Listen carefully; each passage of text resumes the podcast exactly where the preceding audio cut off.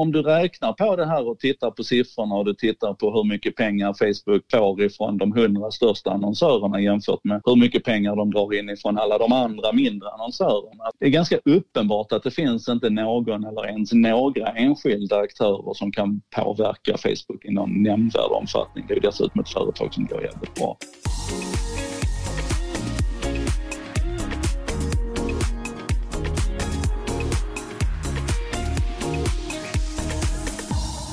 Mycket tyder på att det inte lär storma mindre kring Facebook nu när det närmar sig amerikanskt presidentval igen. Ja, men vi minns ju alla då hösten 2016 då många chockades av att Donald Trump gick vinnande ur presidentvalet och hur det uppstod då också en minst sagt intensiv debatt kring desinformation, fake news, trollkonton och eh, dess potentiella påverkan på det amerikanska valet. Det började ju då också på allvar pratas om Facebooks makt position och ansvaret de har också när det gäller vilken typ av innehåll som förekommer på deras plattform. Ja, och två år senare kom ju då Cambridge Analytica-skandalen och fokus riktades mot frågor om datainsamling och privacy. Och nu bara för någon vecka sedan så såg vi exempel på nya komprometterande uppgifter när det kommer till just eh, Facebooks maktställning. Och om det här ska vi prata mer om idag. Jag som pratar nu heter Jasmine Winberg. Och jag heter Amanda Törner och det här är Insiktspodden som varannan vecka gräver djupare i ett ämne inom marknadsföring och kommunikation. Ja, och det är då amerikanska Buzzfeed som har tagit del av en väldigt uppseendeväckande uppgifter från en visselblåsare då som heter Sofie Chang som tidigare tidigare var anställd som dataspecialist på Facebook och hon berättar i en lång och skriftlig redogörelse för Buzzfeed, eller i varje fall som Buzzfeed har tagit del av,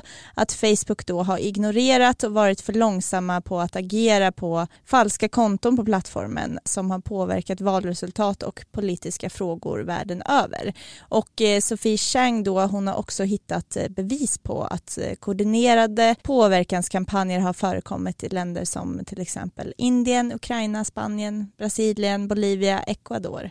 Ja, och Buzzfeed har inte publicerat hela hennes redogörelse men i en del av den säger hon i alla fall att hon har blod på sina händer. Det får man ju säga är väldigt kraftfulla ord. Ja, verkligen. Vad innebär då det här för Facebooks position inför det kommande presidentvalet den 3 november? Och hur har Facebook jobbat sedan förra valet för att tvätta sitt varumärke efter alla skandaler? Det här är något som vi har tagit ett grepp om i vårt senaste jobb i Resumé Insikt. Det är inte minst viktiga frågor då att ha koll på för marknadsförare där ute. Vi pratar ju trots allt här om världens största annonsplattform. Till vår hjälp idag har vi bjudit in Joakim Jardenberg till podden som går under lite olika epitet. Vi beskrev dig som internetpionjär i våra artiklar tidigare. Hur tycker du att det låter? Det låter som jag är jävligt gammal. Men väldigt erfaren. Ibland blir jag till och med kallad veteran, internetveteran. Det är Just nästan det. ännu värre. Då håller vi oss till pionjär och du är också expert på sociala medier ska vi säga. Välkommen hit, hur är läget med dig? Jo men tack, det är jättebra. Jag sitter just nu i ett dimmet Helsingborg så att om ni hör någonting som brölar i bakgrunden så är det båtarna som tutar ut på sundet.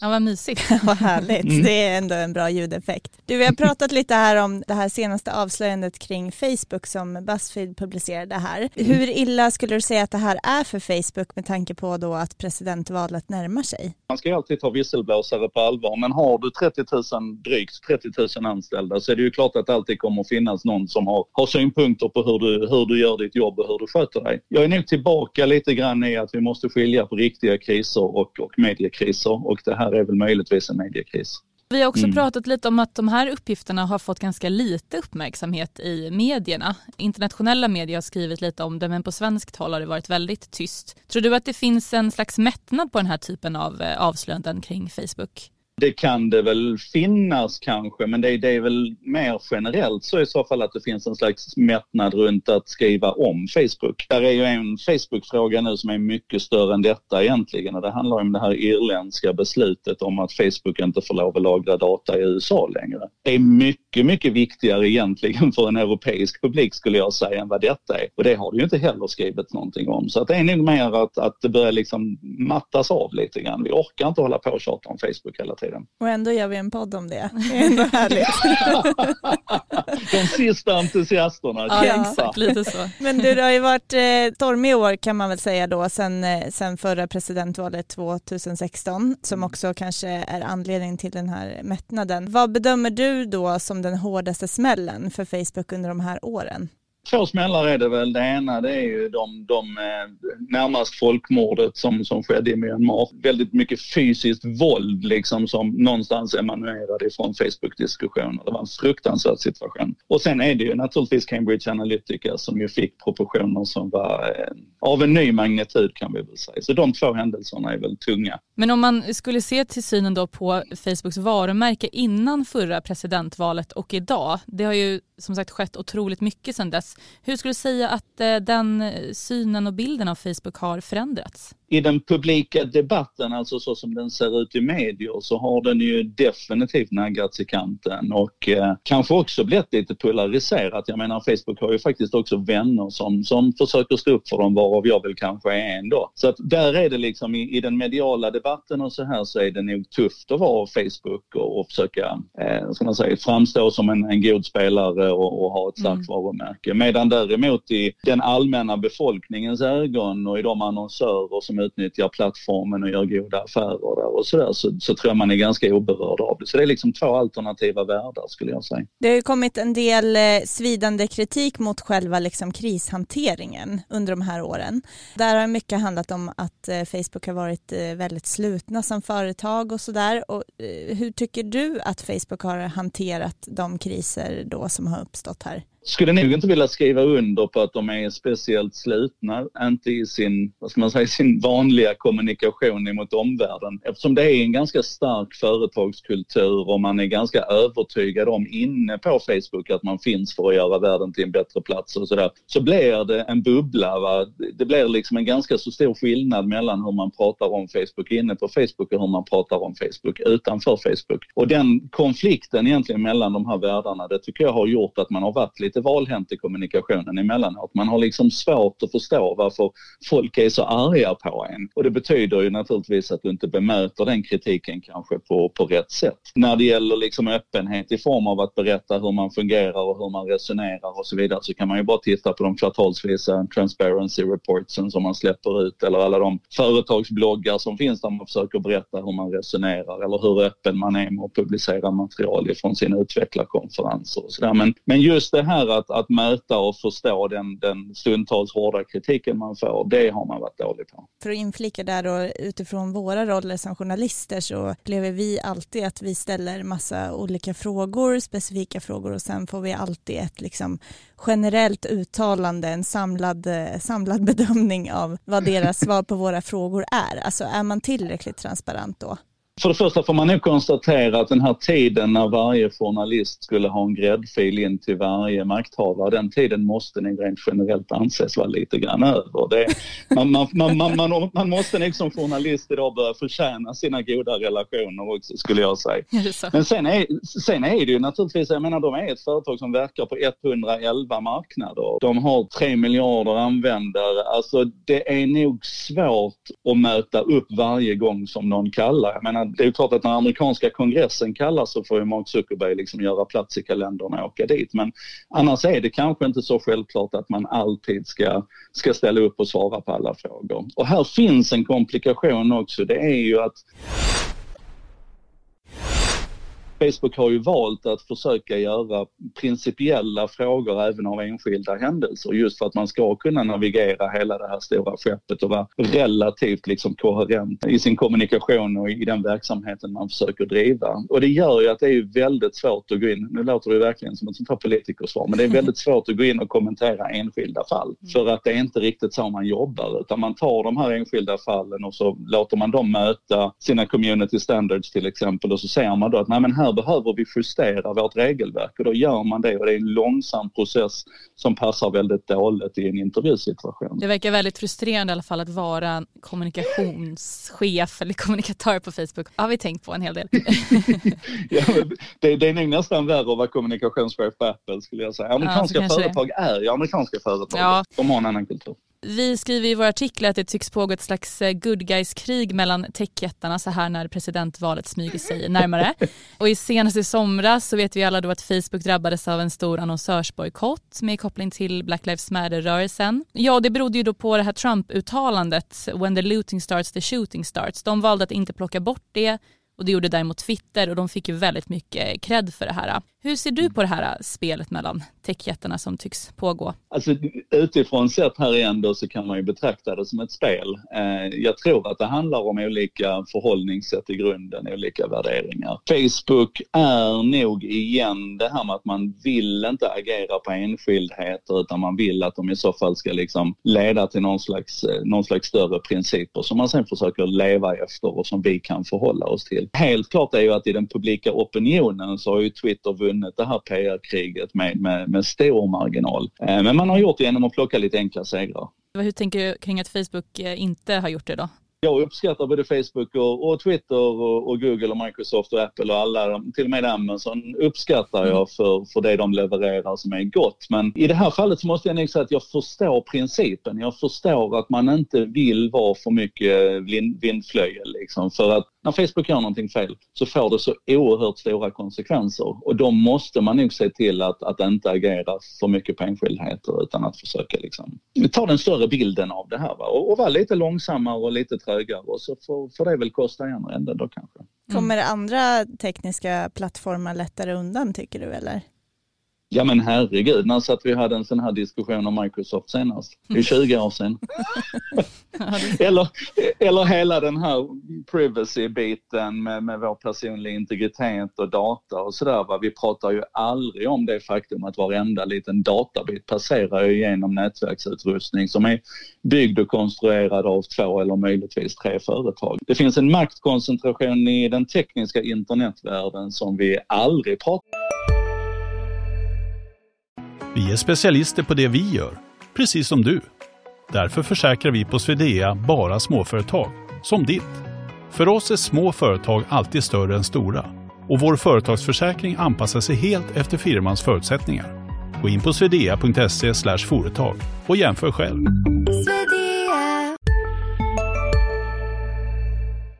Om av någon märklig anledning. Förmodligen för att det är ännu mer komplext än att prata sociala medier. Men jag tänker i och med att Facebook ändå har gjort en hel del under de här åren och de har eh, presenterat åtgärder och gjort initiativ. Men har de varit dåliga på att eh, paketera det här på ett bra sätt som gör det förståeligt för den breda massan? Har de varit dåliga på PR-biten för sig själva? Nej, vi är där igen med kommunikation. Jag menar Mark Zuckerberg är ju inte blyg för att sitta två timmar och prata rätt in i kameran och då har ju de flesta journalister för länge sedan zoomat ut och börjat kolla Twitter istället. Eh, man, man hade nog kunnat vara lite mer populistisk men jag tror inte man vill det utan det, det, det, det får verka ut över tid istället. Eh, jag tror nog förvisso att alla de här stora teknikföretagen känner att de är i det här för the long run liksom men, men de agerar lite annorlunda och den, den trögheten som vi ofta upplever från Facebook till exempel den, eh, den ligger dem i fatet. Den är, inte, den är inte riktigt tidsenlig och den är inte riktigt i överensstämmelse med den nuvarande medielogiken och då, då får de lite stryk. I den här annonsörsbojkotten då eh, i somras så såg vi ju bland andra då Microsoft, Starbucks, Coca-Cola och eh, Unilever som valde att eh, tillfälligt stoppa sina annonsinvesteringar då på Facebook. Vi vet att du är väldigt kritisk till den här typen av eh, bojkotter.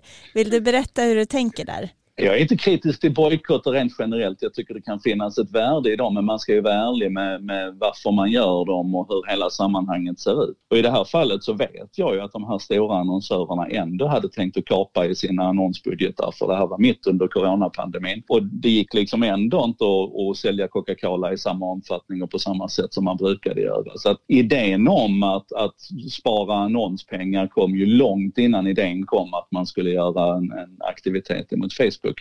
Så det blir lite grann så här sminka grisen. Va? Och jag, är jätte, jag uppskattar verkligen värderingsdrivna företag och syftesdriven marknadsföring och så vidare. Men man får inte hålla på och sminka grisen. Då, då skär det ihop lite grann hos mig och det tyckte jag att man gjorde härifrån många av de här stora annonsörerna. Till viss del så lyftes just den här annonsörsbojkotten fram som den som faktiskt kan få en påverkan på Facebook i och med att det var så stora aktörer som var inblandade. Kan inte en jätte som Unilever till exempel ha en påverkan på Facebook? Facebook. En av världens största annonsköpare som de är.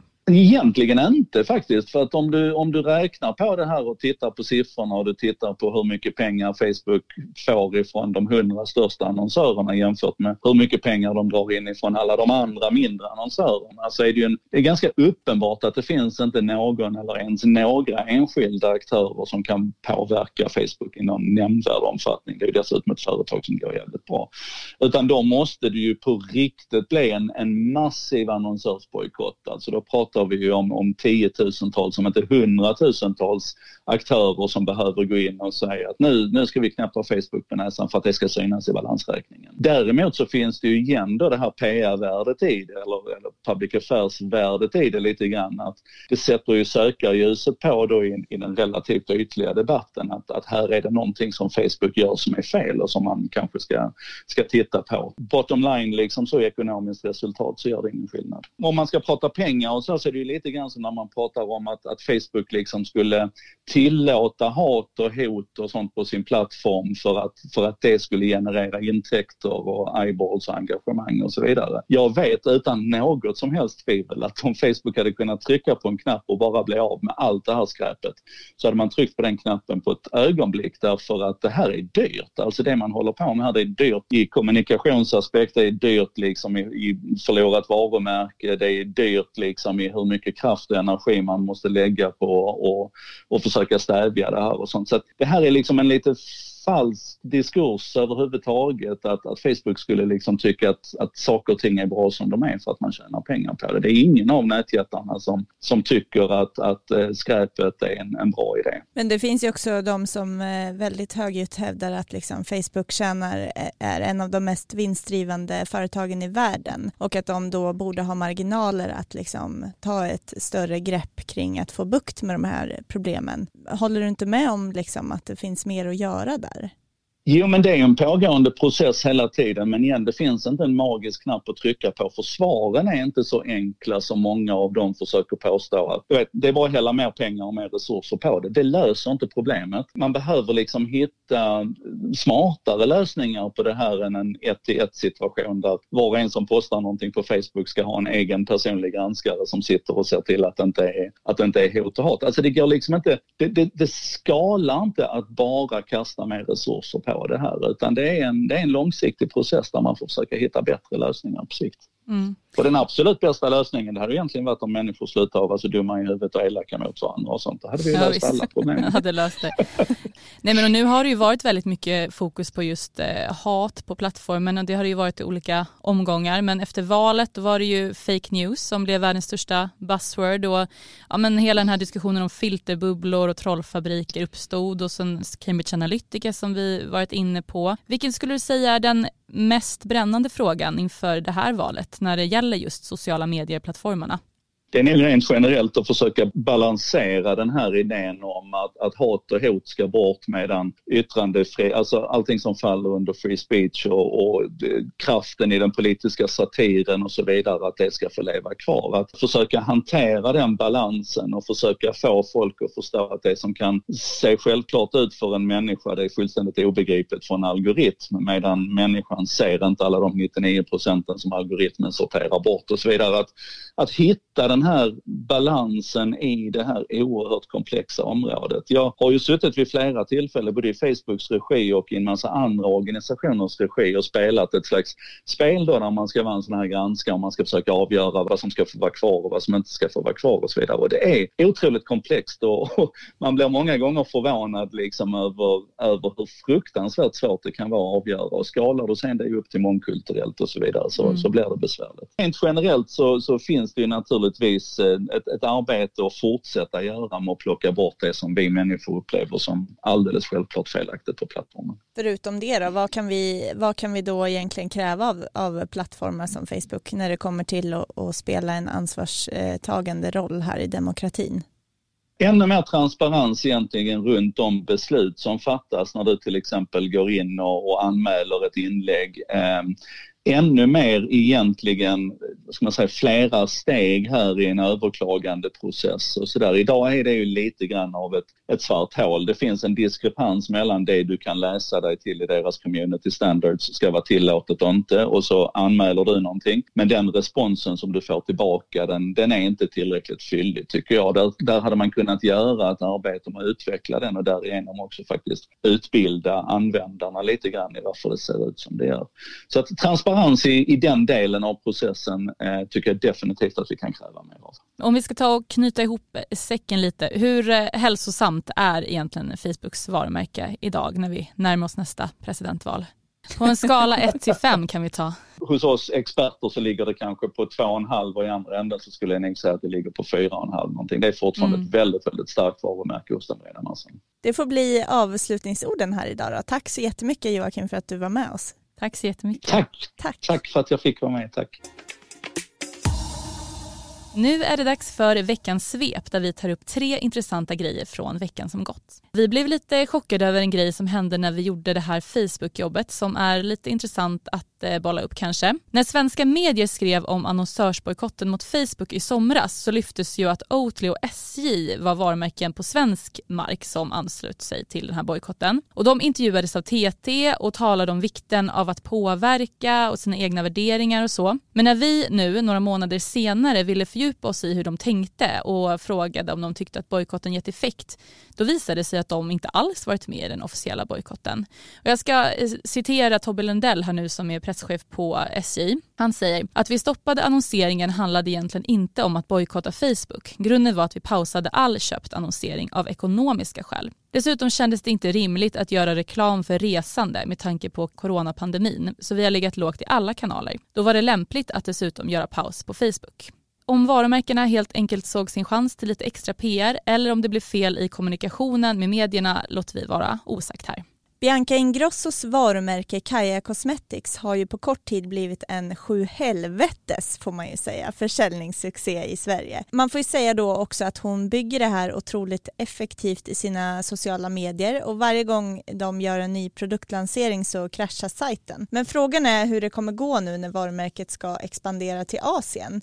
För Bianca må ha enorm makt på svenskt håll men Asien är ju faktiskt en marknad där ingen har hört hennes namn tidigare. Och Resumé gjorde en intervju med Kaja Cosmetics vd Mikael Snabb som då menar att det här kommer gå jättebra och att affärsmodellen funkar finfint även utan Bianca. Häpnadsväckande nog.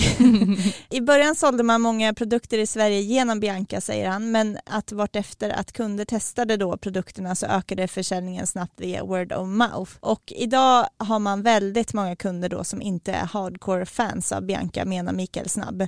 Intressant i det här sammanhanget är också att eh, när de ska lansera i Asien så har de med sig Philip Tysander, också känd som den hypade klockvarumärket Daniel Wellingtons eh, grundare. Han är med på lanseringsresan här och det återstår helt enkelt att se hur det går med det där. Eh, det är definitivt något som vi kommer att få anledning att återkomma till. Det har också varit en hel del surr om Centerledaren Annie Lööfs nystartade Youtube-kanal på senaste tiden. Hur en del politiker, med henne i spetsen kanske, allt mer närmar sig influencers retorik och sätt att bygga relation med publiken, eller sorry, väljarna. Kommunikationsstrategen och debattören Daniel S. Ogalde skrev i dagarna en debattartikel i Resumé där han kritiserade Lööfs nya drag och menade att det här inte är bra kommunikation. Och han säger, för fortfarande har jag ingen aning om vad jag tittat på förutom en nybliven tvåbarnsmamma som tar barnvagnspromenader med en latte i handen och berättar om hur svårt det är att jonglera karriär och föräldraskap.